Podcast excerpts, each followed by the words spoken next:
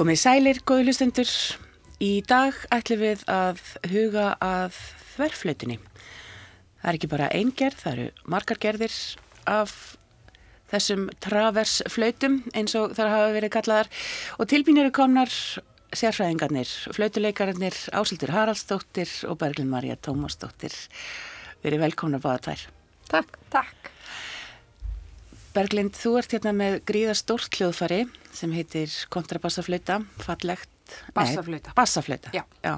Að það er til eitt, einn starri gerð en þessi, kontrabassaflauta. Sem er kontrabassaflauta. Já, akkurat. Og þú ert með uh, pikkoloflautuna. Já. Það er sem sagt minnsta og næst stærsta. En við ætlum að tala aðeins meir um þessi hljóðfari á eftir, en mér langaði samt svona að spyrja ykkur, uh, svona til að byrja með, hvað, hvað var til þess áseldur að þú valdir flautuna?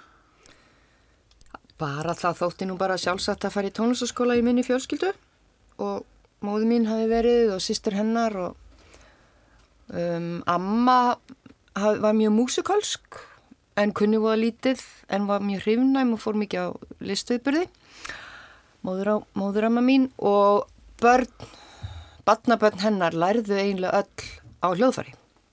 Ömmusýsti mín hafi reynda lært á píjano og en átti ekki hún notaði bara svona fjöl með, sem að búið að tekna á.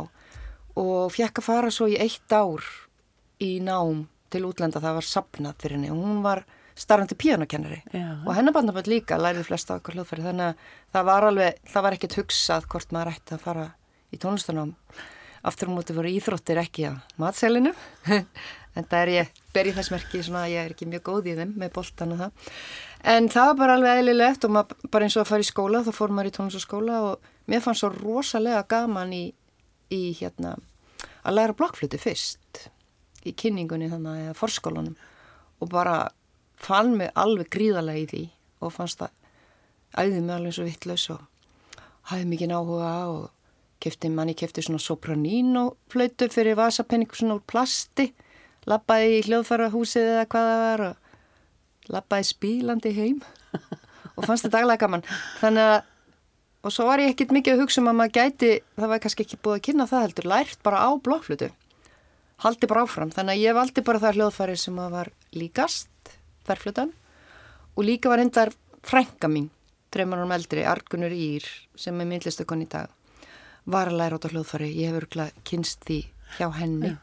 og langa fundist það fallett um, en sýsti mín lærði á fylgu, Bergljóttana Haraldsdóttir.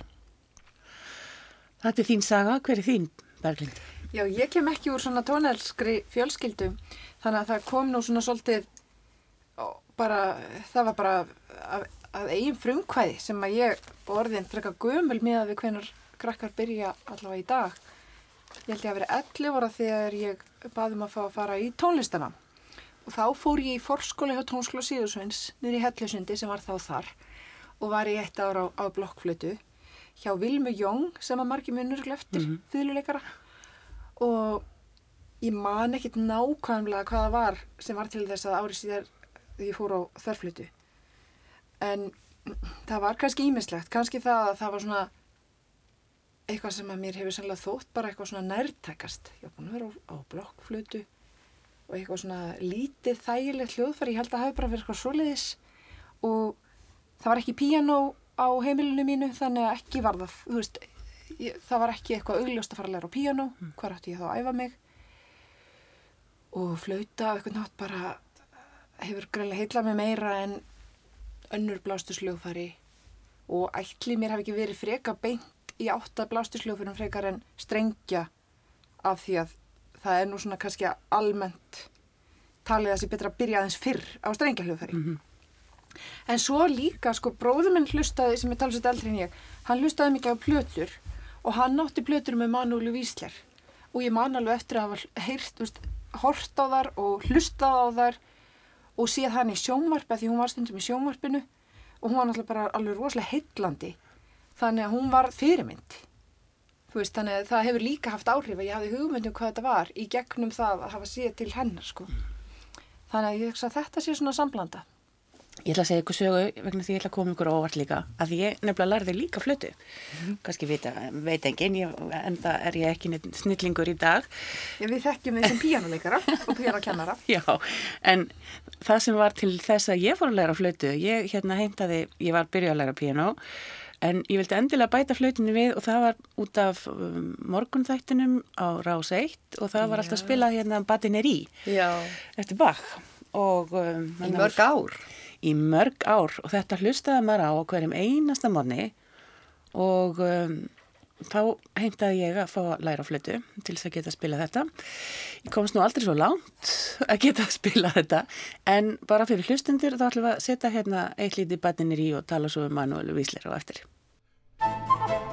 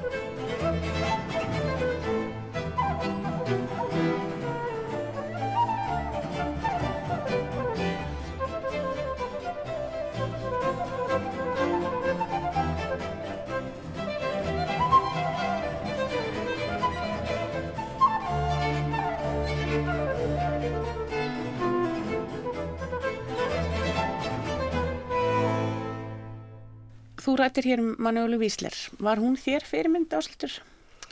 Já, náttúrulega, að sjálfsögðu. Og ég var svo heppin að Kolbeinn Bjarnason á einu svona súkáskinámskiði, þá segir hann við mig, þú þart að hitta Manuelu. Þú þart að komast, það bara lýsir honum alveg, hann er alltaf, hann er ekki bara hugsa um sjálfan sig, hel- mjög örlóti maður og elskulegur.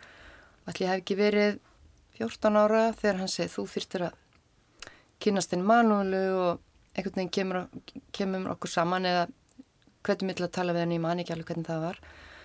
Og þannig að eftir það þá fór ég, fór ég svona, þá var ég frábærum, hjá frábærum kennara, Bernhardi Vilkinsinni sem hefur aldeilis líka mótað heila kynnslóð flögduleikara eða tvær hérna á Íslandi, unni mikið starf. Um, var ég á honum og svo fór ég í samræði við Bernhard sko, í tíma hjá henni í jólafríum og sumafríum og svo leiðis og náttúrulega var alveg bara töfruð upp úr skónum Já. yfir tímanum. Ég gleymi til dæmis aldrei þegar ég var að spila eina baksónutu og það er Allegro. Og svo kemur aftur annað Allegro. Og hún spyr mig og hvernig ætlar að hafa mismunin á hraðanum á þessum köplum og ég hafði ekki hugmynd um það. En ég hafði sko, þetta var svo sérstatt með hana. Hún, ég fekk maður til að hugsa. Og ekki þessi mötun, ekki það að aðri kennar að hafa endilega gert það en mér fannst hún leggja sérstaklega áherslu á að fá upp um henni sjálfum. Leit svona, segi ekki eins og maður hefur verið listamæður en hún ætlast til þess að maður tilengaði sér viðhorf svona listamanns og hugsandi eða hugsandi tólk flytjanda. Ekki bara eftir öpun og hlusta Nei, nei. nei það, er, það er búið misjám þó, þó þessi eftiröpun getur verið stórkostleg sko. til dæmis átti ég eitt flautukennar Thomas Næfinger sem sagði mér bara ég er því að herma eftir öllum flautuleikurum og geta náð vera eft, besta eftir herma af öllum flautuleikurum sem ég heyrði. Þetta er líka mjög góð ráðlegging sko. Góð að ná tóninum, ná víbratónu og litbriðunum þá vikar út og þú- þú festist ekkert í að verða alveg eins og einhver eða þú gerir bara alla. En hérna þetta var mjög mjög mikið gæfispor að hafa kynst henni svona ung. En kannski með þig, Berglind og Manueli, að Manuela og þú hefur nú kannski svona fetað uh, þá brauta einbytta þeir að uh, samtímatónlist meira heldur en að vera í, í já, spila gamla, gamla tónlist. Já, en ekki það að Manuela spilaði allt. En hún spilaði En allt. þetta er svona ábyrrandi lið á henni því hún var líka svo dugleg að fá fólk hérna á 8. og 9. 9. áratökum sérstaklega til þess að skrifa fyrir sig, kannski sérstaklega á 8. þegar hún bjóði hérna. Og ég meina þessi verk lifa í dag og eru kannski svona uppistaðan í því sem að nefndur og flautuleikar í dag spila íslenskir, Já, mörg verk sem að örðu til. fyrir hana. Já, og, og svo náttúrulega líka, þú veist, jú, margt svona sem hún gerði, eins og hún spilaði mikið með króma, hvað heita þeir, krómadansambúl, hérna, slagvers, sænski slagvershópurinn og þar hefur aflöst, sko, hérna, repertórið stækkað bara með því samstarfi, það hefur verið að panta verk og, og slíkt, sko.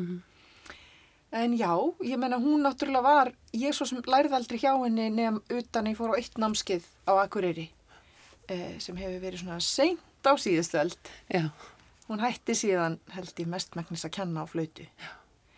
Þannig að það var nú ekki meira svona sem að ég náði af henni, sko. Ég man þá hvað, það var ótrúld að hlusta á hún að tala. Hún var ekkert búin að eiga heima þetta í, í mörg ári en hún talaði fullkomni íslensku. Sko fullkomna já, já. og var bara svo heillandi og sermerandi og sniðu eitthvað. Og óvinnuleg líka. Já. Eða þú veist, ekki svona eins og kannski þeir tónlistakennarar sem höfðu orðið á veginn hans.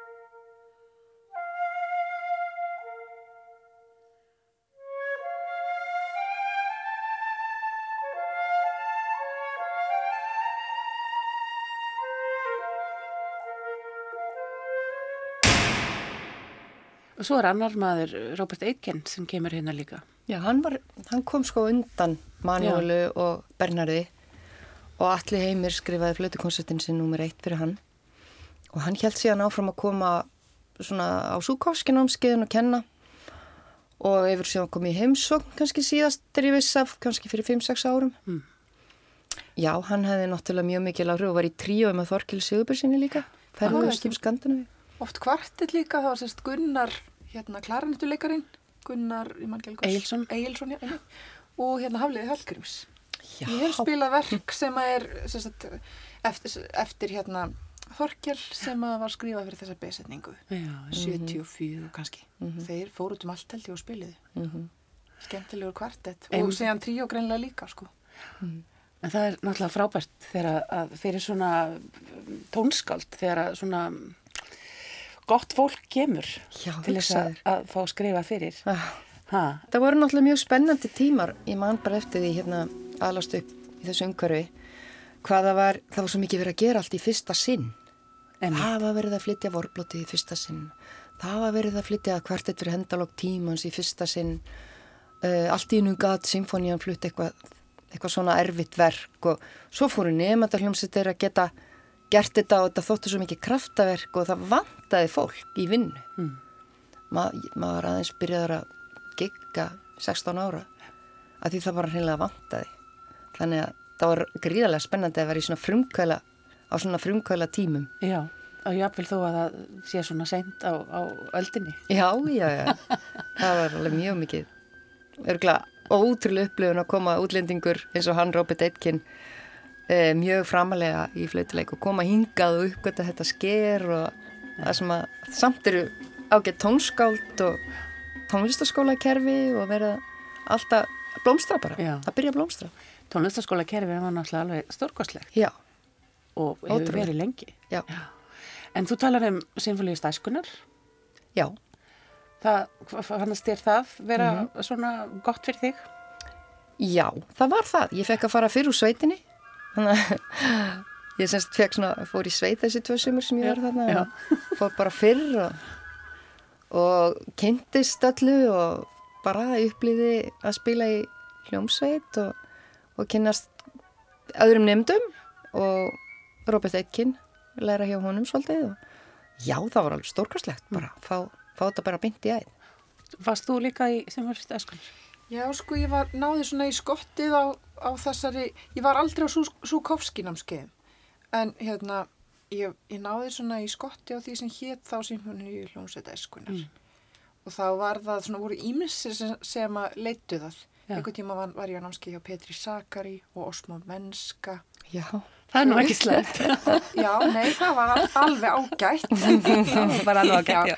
Og einhvern tíman, já, var eitthvað sem við fengum að gera með sett symfóniiljóset Íslands. Gott við spiliðum ekki Berli og Symfóni Fantastík. Já, Mhm. Og já, þannig að það voru eitthvað námskeið, já. já. Og nú er komið náttúrulega ungsveitin sem að er í svipuðum gýr, ungsveit aldeilis. Íslands. Þetta er, þetta er mjög nöðsilegt starf. mjög nöðsyn. Heldur betur, og svo má náttúrulega ekki gleyma Ungfúníunni sem er líka sem að með. Ólafsson stýrir, akkurat. Hún dekkar Já, ungsveitin vetratíman. akkurat. já. En tölum nú aðeins um flautuna og þetta Já. fyrirbæri, um, flautan. Um, hver vil segja mér frá svona uppruna?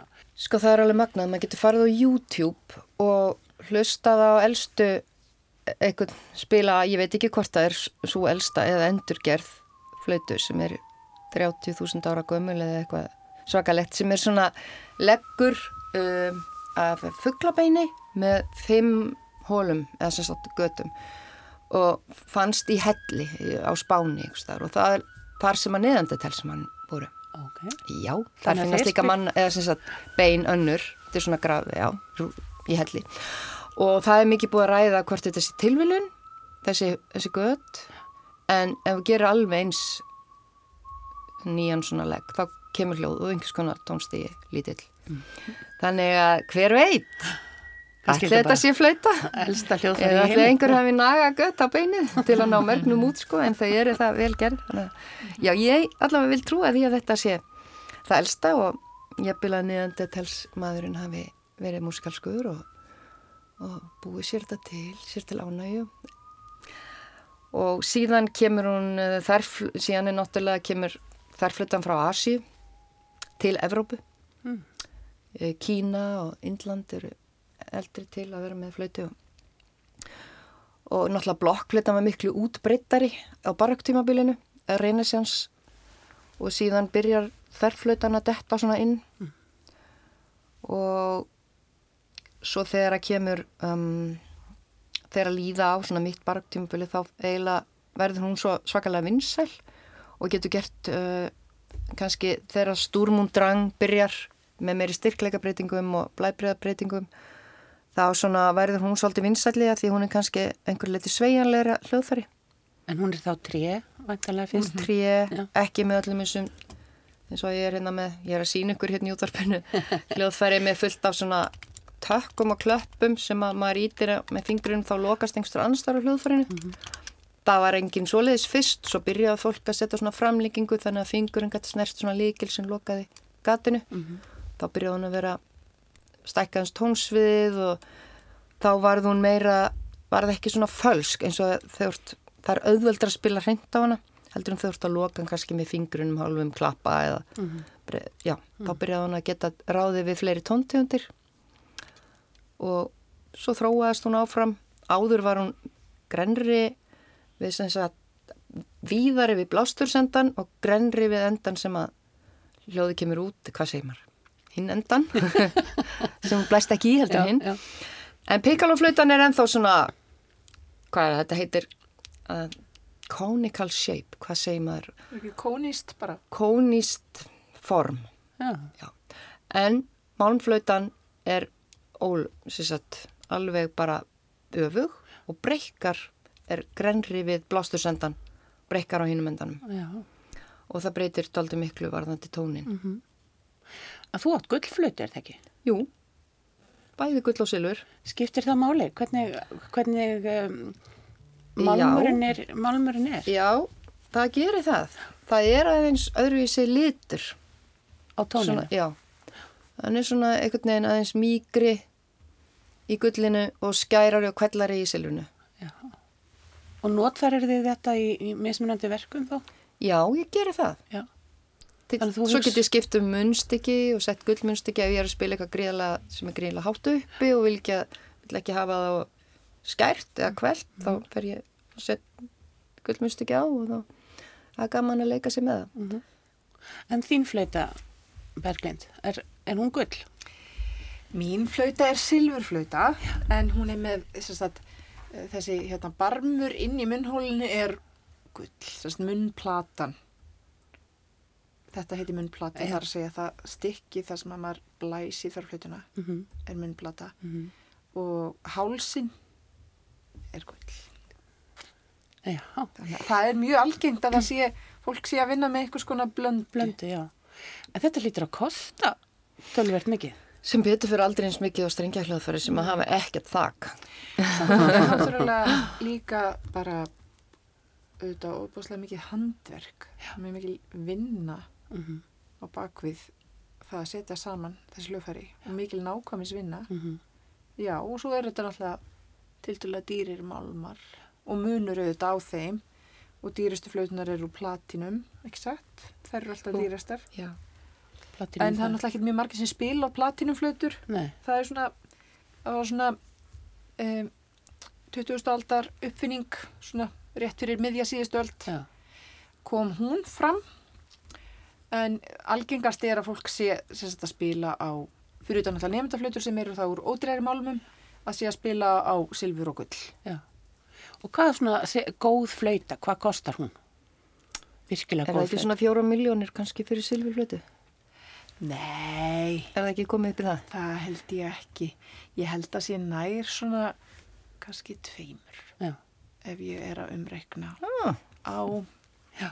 það sem að svona eins og þessi kaup, nýjustu kaup sem að maður veit af. Mm Það er að segja, svo auðvitað er auðvelt að, auðvelt að hækka. Já, og fara í miklu meira aha, ef þú ert með einhverja sérpantanir eins og, eins og sumir kannski fá sér einhverja svona sérstakka klappa og þá getur þú gert ABC mhm, eða, þú veist, eða meiri gull í blöndunni eða hvað það er þannig að auðvelt að fara upp úr öllu já. en svona standard frá bestu merkjunum sem eru svona flag, í flagskipsflokknum ok. það liggur eitthvað stað þar, svona kannski upp undir 15.000 bandarík, bandaríska dollara Aha.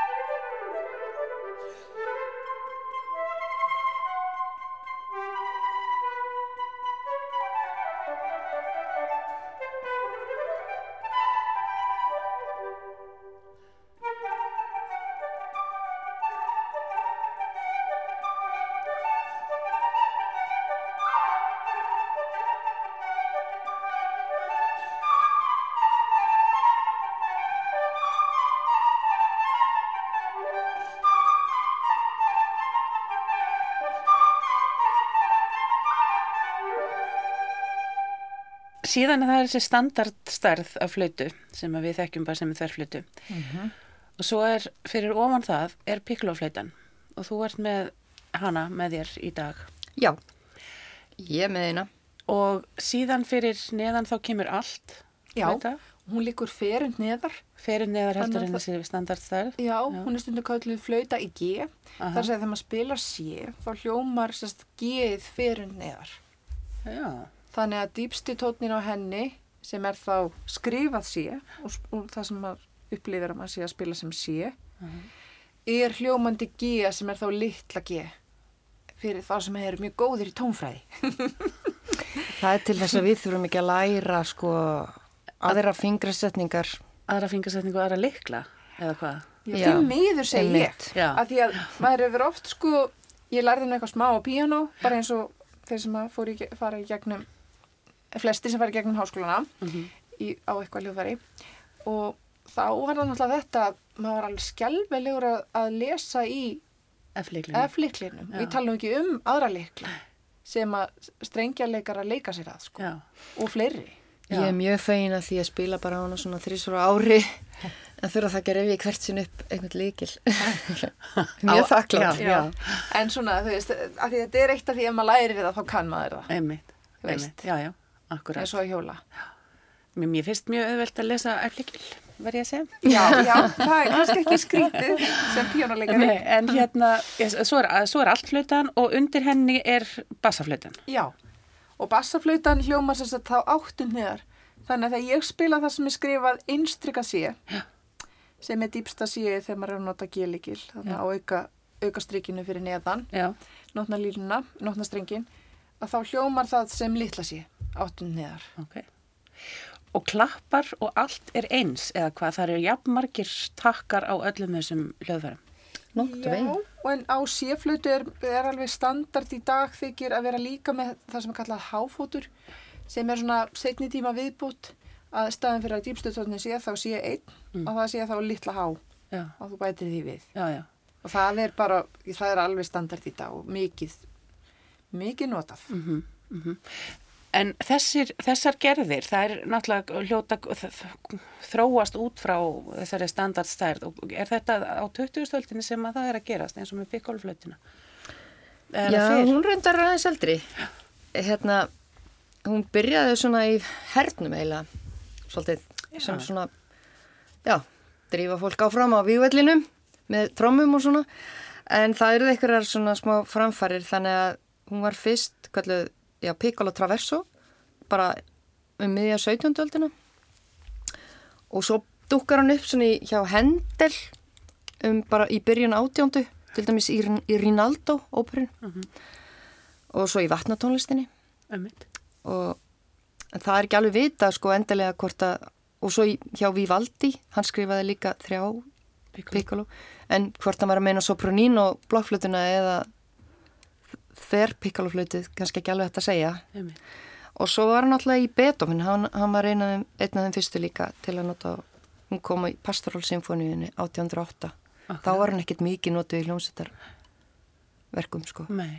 En hún er mjög ábyrrandi þegar hún er notið. Já, algjörlega, kemst hún í gegn En hún, alltaf, hún kemst alltaf í gegn. alltaf, að, stjórnar hljómsveitinni, svolítið. en svo er oft erfitt, hún kemur kannski sí, hjá Beethoven í síðasta kaplanu þá þarf pikalafleitileikarinn að sita í 40 mínútur, hreyfingalös á sviðinu og koma svo með eins og konsert, óupphitaður, þannig að það er mjög krefjandi. Uh, hefur þú lendið því? Ég held ekki, en kollegi minn Marcial Nardó, hann hefur, Hann hefur Lendið þessu? Já. Já, já, ég get ímyndað mér að það sé svolítið... Og hann segir bara að málið er bara að lifa sinni allan tíman í tónlistina en ekki sitt og býða, heldur taka þátt alveg. Já, allan tímann. ráð. já, ömmit.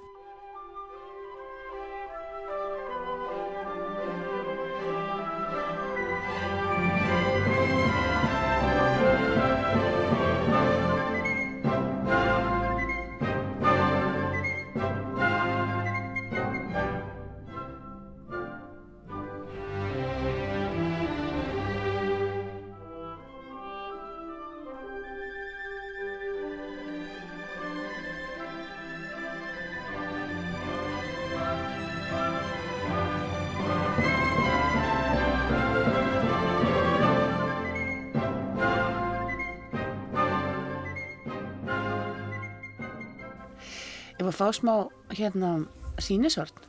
Já, Og þá sé ég að þú þarf setur í því eirnatappa. Já, mér dætti í huga að þú myndi vilja hæstu tónana. Já. Við erum hérna með bassaflutu og, og þá, þá er mér, það er bara búið að ráleggja mjög stert að nota yrnatappa þegar maður spilar eitthvað hátt á piccolo, hátt uppi og líka alla þá sem sitt í kringum piccoloflutuleikarna. Það búið að ráleggja þeim öllum að nota yrnatappa. Í, í hljómsveitinni? Já, Já, við erum, við erum reyndar að fá núna nýja yrnatappa í symfóniuljómsveitinni. ok. sér smíðaða og bara það er bara sínir reynslan að fólki í symfóniuljóstund tapar mjög hirn og það er mjög oft í svona, þegar er spurt út í þetta hvernig fólki líður og svona hvað er vest þá er bara alltaf sagt pikkaloflutan er vest og kannski eitthvað trompetarnir líka en pikkalo er mjög slæm Ah. En ég, ég, nú eru flestir með svona skjá fyrir aftan. Já, uh, já þarna að- aftar í röð treblósara Já, Já, það er oft slagverkið og líka býst við trompetarnir en ég vissi það ekki að fólk sett upp eirnatappa þegar það væri að spila í hljómsveitinni. Jú, jú, jú. Merkilegt. Jú, jú, annars bara myndi maður, maður getur valið, bara missa heyrt fyrr eða halda alveg út góður starfsæðina og Og þetta tekur svolítið tíma Já. að, að æfa sig með eyrnöndum, að æfa sig heima og, og síðan bara venst þetta. Þú ert að fara í heyrnamælingu núna og eftir. Ég er einmitt að fara, já, Það fylgjast með. fylgjast með. Já. Einmitt. Ertu farin að missa mikið? Heyrðu. Nei, nei, ég er svo duglega með eyrnöndapana. Heyri bara mjög vel. Já, Þeir komnir í. já. já.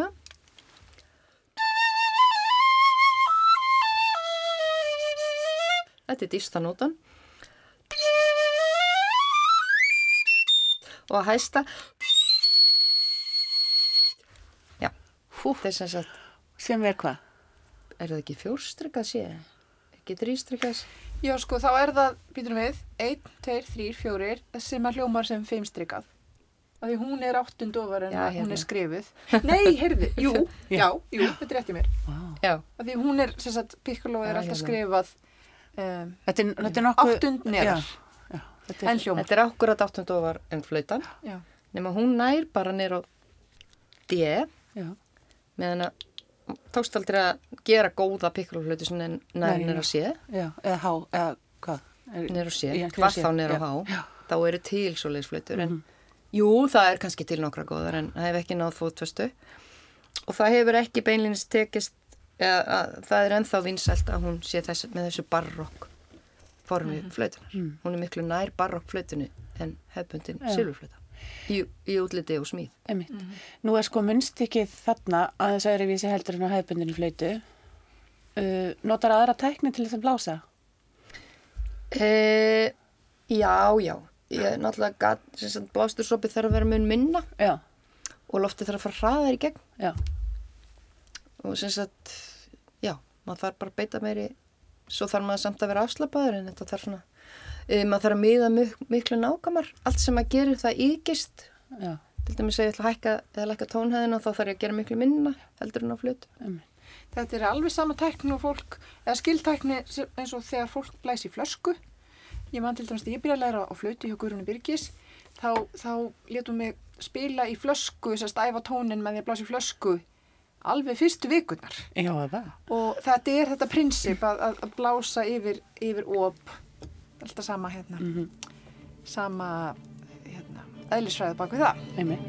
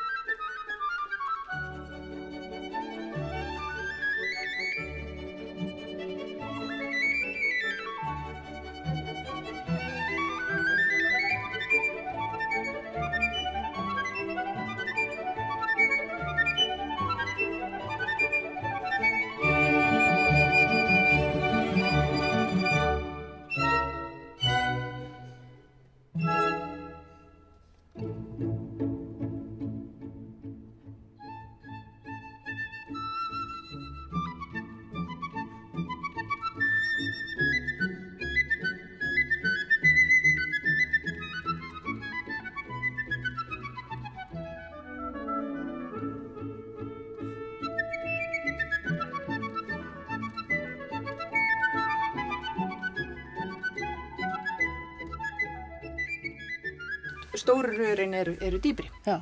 mynda dýbri tón. Og þú ert með eitt svona stórsturör hérna. Ég er með stórt rör, ég er með þetta sem að, Pípulagnina. Já. sem að kallast bassaflauta. Ef að heyra þá tóndæmi. En við skulum heyra við. Já.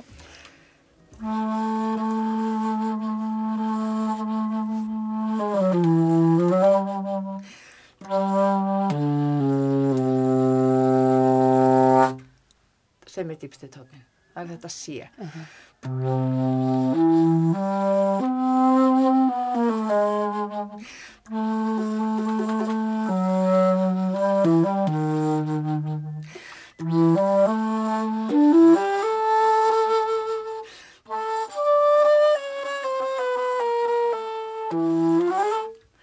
Þannig að þarna var ég komin upp í næstu áttund Já. og efst áttundun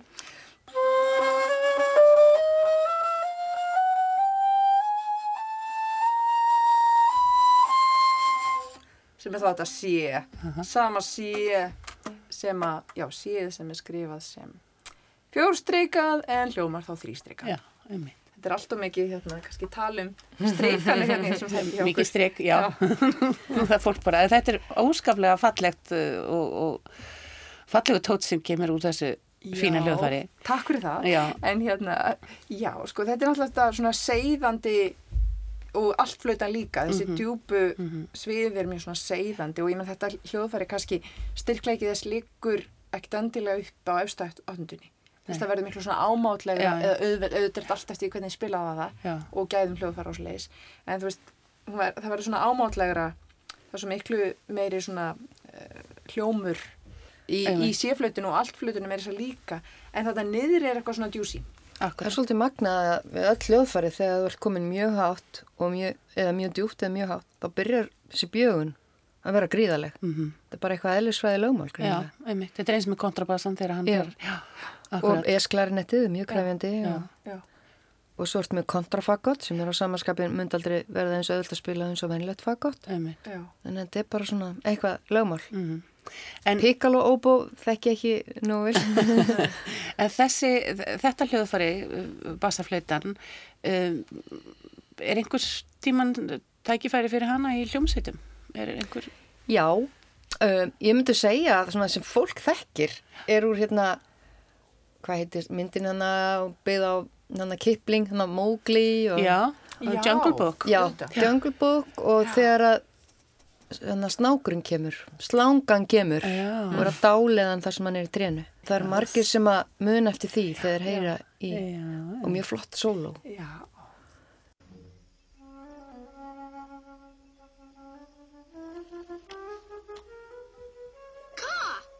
It's you!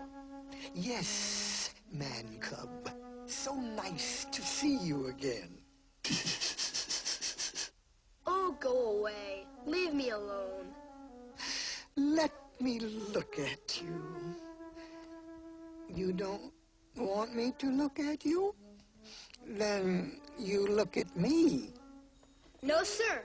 I know what you're trying to do. cop. You do? Uh, I mean, you don't trust me. No. Then there's nothing I can do to help.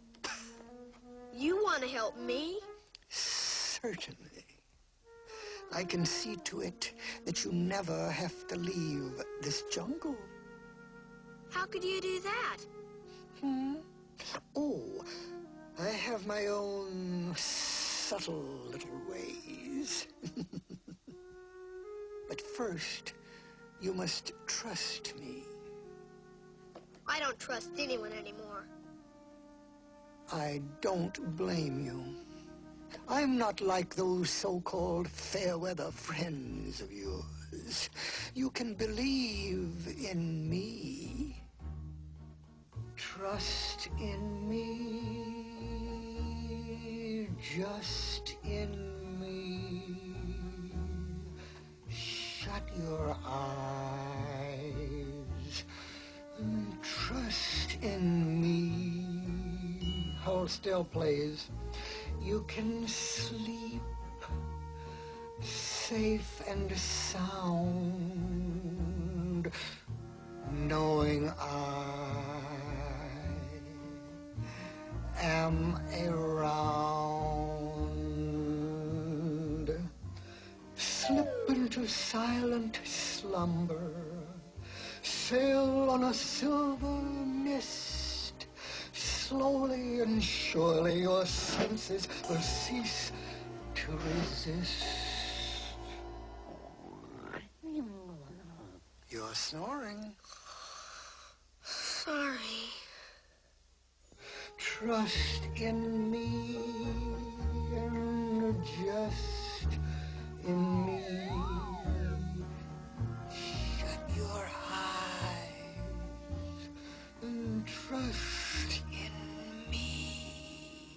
Það er nú mest, allt flautan er náttúrulega með mjög frækt, frækt sóló í einmitt. Bassaflutan kemur frekar síðar inn. Uh, ég man ekki eftir svona öðru en bara 1960-70, ég man ekki eftir, ég veit ekki hvernig hún kemur fyrst inn í hljómsveitina. Nei. En þá þarf að fara mjög varlega með, hérna, mér erst mjög mörg tónskáld ekki gera sér grein fyrir því hvað hún getur ekki komist í gegn. Það þarf að vera mjög Mm. þund orkestrerað til að heyrist í henni. Akkurat. Ef 80 manns er að spila þá Auðvitað. er bara best að hafa sem fæsta þegar hún er að spila. Svo maður tala nú ekki um, um kontrabassaflötuna sem er náttúrulega mun sjálfgæðari hljóðfæri. Já, einmitt. En það er þetta sko, þetta verður svo rosalega loftkendur tótt, Já. þú veist, bara þarna niðri. Já. En á samanskapið mjög segðand og mjög fallegt sem í þá þinnri hérna vef heldur en, heldur en í symfóniuljónsett og, og sóló.